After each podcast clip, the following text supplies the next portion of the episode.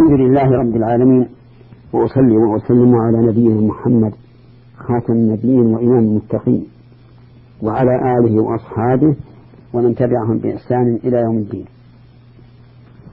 أما بعد أيها الإخوة الكرام المستمعون فهذه الحلقة نبتدئها بذكر فوائد الآية السابقة. آمن الرسول بما أنزل إليه من ربه والمؤمنون إلى قوله وإليك المصير.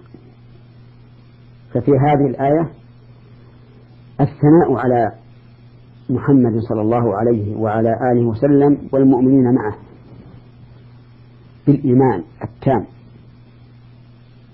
الذي لا شك فيه ولا إشكال. ومن فوائد الآية الكريمة أن النبي صلى الله عليه وسلم قد أنزل إليه الوحي. لقوله بما أنزل إليه من ربه ومن الحكمة في إضافة هذا المنزل إلى إلى رب الرسول عليه الصلاة والسلام إلقاء الهيبة والتعظيم على ما أنزل على الرسول صلى الله عليه وعلى آله وسلم لأنه إذا كان من عند الله فسيكون له من العظمة والقبول ما ليس لغيره. ومن فوائد الآية الكريمة أن إنزال القرآن على النبي صلى الله عليه وعلى آله وسلم من الربوبية الخاصة التي يمن الله بها على من يشاء من عباده لقوله من ربه ويتفرع على هذه الفائدة أن من آتاه الله تعالى علما بما أنزله على محمد صلى الله عليه وعلى آله وسلم فإنه من الربوبية الخاصة والعناية الخاصة. ولهذا كان العلماء ورثة الأنبياء عليهم الصلاة والسلام. ومن فوائد الآية الكريمة ذكر التفصيل بعد الإجمال. لقوله كل آمن بالله وملائكته وكتبه ورسله إلى آخر. لأن الإيمان بهذه الأربعة من جملة الإيمان بما أنزل على النبي صلى الله عليه وعلى آله وسلم ومن فوائد هذه الآية وحكمها أن الإنسان يعلم بأن لله ملائكة وأنه أنزل كتبا تقوم بها الحجة على كل رسول. وأنه أرسل رسلا إلى الخلق. لأن العقول لا تدرك ما يجب لله تعالى من حقوق. وقد بين الله تعالى الحكمة من أسباب الرسل في قوله رسلا مبشرين ومنذرين لئلا يكون للناس على الله حجة بعد الرسل. ومن الفوائد في هذه الآية إثبات الملائكة عليهم الصلاة والسلام. وهم جنود الله عز وجل.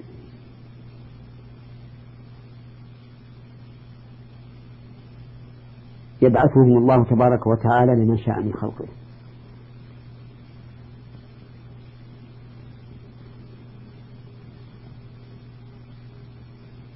منهم ملائكة يرسلون رحمة وملائكة يرسلون للعذاب. اللهم اجعل من يتولانا ملائكة الرحمة.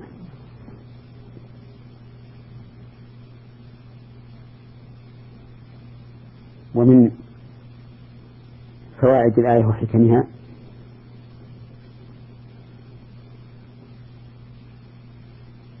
الإيمان بالكتب المنزلة على الرسل.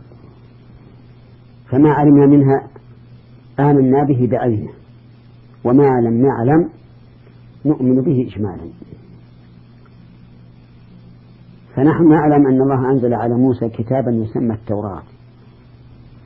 نعم. وعلى عيسى كتابا يسمى الإنجيل.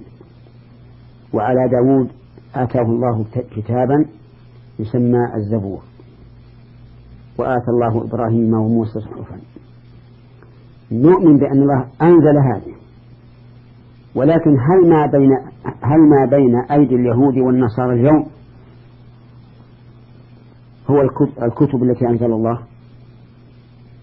أو أنه وقع فيها التحريف؟ والتبديل والإخفاء والإبانة الجواب الثاني. ولهذا لا يجب علينا أن نشهد أو أن نؤمن بأن التوراة التي في أيدي اليهود اليوم هي التي أنزلت على موسى ولا أن الإنجيل الذي في يد النصارى هو الذي أنزل على عيسى. لأنه دخل فيه التبديل والتغيير والتقديم والتأخير. لكن نؤمن بأن موسى أنزل الله عليه كتابا هو التوراة وأن عيسى أنزل الله عليه كتابا هو الإنجيل وهكذا. ومن فوائد الآية الكريمة أنه يجب علينا أن نؤمن بكل الرسل من دون تفريق. فنؤمن بأن الله أرسل نوحا وأرسل إبراهيم. وجعل في ذريتهم النبوة والكتاب. ولا نفرق. يعني لا نقول نؤمن بموسى ونكفر بنبي آخر بل نؤمن بالجميع فإن قال قائل أليس في هذا حجة للنصارى واليهود الذين يقولون إننا على كتاب وأنتم على كتاب وأنتم تقولون لا نفرق بين أحد من رسله. قلنا لا حجة. بل هذه لا حجة عليهم. لأننا نحن نؤمن بأن عيسى رسول الله وأن موسى رسول الله. وهم لا يؤمنون بأن محمد رسول الله. وإن آمنوا فبعضهم يقول مرسل إلى العرب فقط. دون غيرهم. فهم الذين كفروا وفرقوا بين الرسل. أما نحن فلا. نؤمن بالجميع. لكن الاتباع بالشريعة الأخيرة. وهي التي جاء بها محمد صلى الله عليه وعلى آله وسلم لأنها ناسخة لجميع الشرائع السابقة. حتى إن عيسى عليه الصلاة والسلام بشر بمحمد صلى الله عليه وسلم. فقال لقومه إني رسول الله إليكم مصدقا لما بني يدي من التوراة ومبشرا برسول يأتي من بعد اسمه أحمد. فمن لم يؤمن بمحمد صلى الله عليه وسلم على وصف الذي أرسل أنه مرسل لجميع الناس فإنه كافر بعيسى. إذ كيف يبشرهم عيسى بنبي ليس ليس رسول لهم؟ أو كيف يبشرهم برسول؟ ليس برسول لهم هذا مستحيل.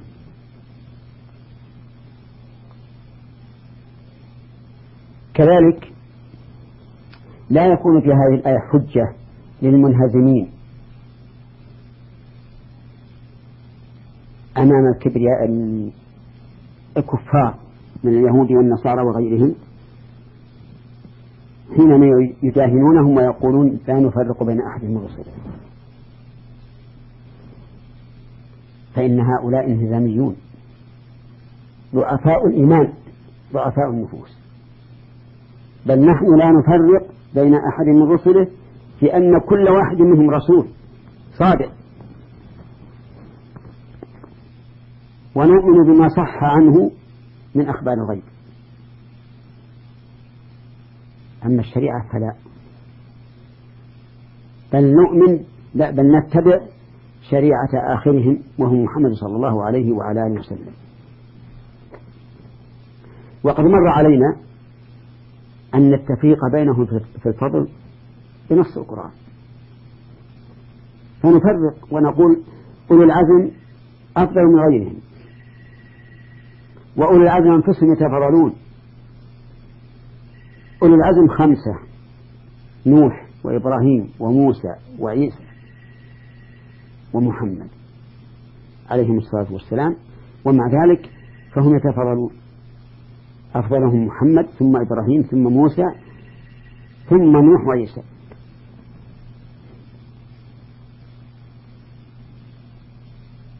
ومن فوائد هذه الآية وحكمها أن النبي صلى الله عليه وسلم عبد مأمور. يلزمه السمع والطاعة لأنه التزم بهذا. فقالوا أي الرسول والمؤمنون سمعنا وأطعنا. وإلى هنا ينتهي أو تنتهي هذه الحلقة. والسلام عليكم ورحمة الله وبركاته.